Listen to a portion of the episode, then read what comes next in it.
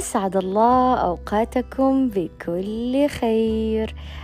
حلقة جديدة من أكسجين معايا أنا ولاء وزي ما تعودنا واتفقنا خلونا نعمل شهيق زفير. يلا نبدأ يومنا بكل حيوية وبكل إيجابية بإذن الله.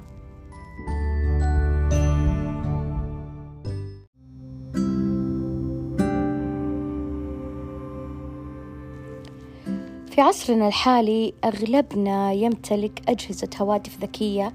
وخلونا نقول الكل الكل يمتلك أجهزة هواتف ذكية. بنوعيها آه، من غير ذكر الماركات ولكن الجوهر هو الأندرويد أو ال iOS آه، أجهزة الآيفون. هذه الأجهزة فيها مساحات معينة. آه، المساحة قد تبدأ من 32 جيجا 64 جيجا. 156 وهكذا إلى ما فوق.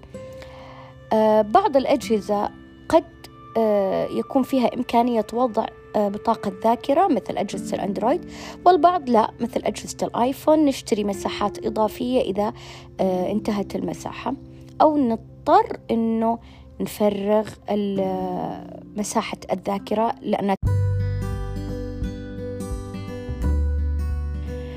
فقرة المعلومة الطبية آه، بما أننا آه، في أيام عيد الفطر المبارك أعاده الله علينا آه، وعلى الأمة الإسلامية باليمن والبركات حبيت فقط أنه ننوه عن المشاكل اللي تكون جدا تنتشر في العيد واللي هي المشاكل تناول الحلويات والمخبوزات بشكل كبير جدا.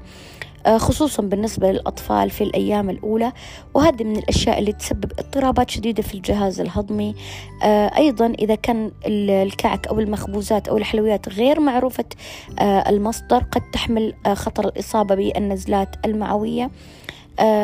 أيضا يؤدي إلى إصابة الطفل بالتخمة بالكسل يقلل شهيته تجاه الأكل المفيد اللي يحتاجه خلال اليوم. وبالنسبة للأطفال أقل من عمر سنتين الحلويات والمخبوزات والكعك قد يؤدي إلى إصابته مباشرة بالنزلة المعوية. أتمنى أني أكون أفدتكم. دمتم بصحة وعافية ومع السلامة.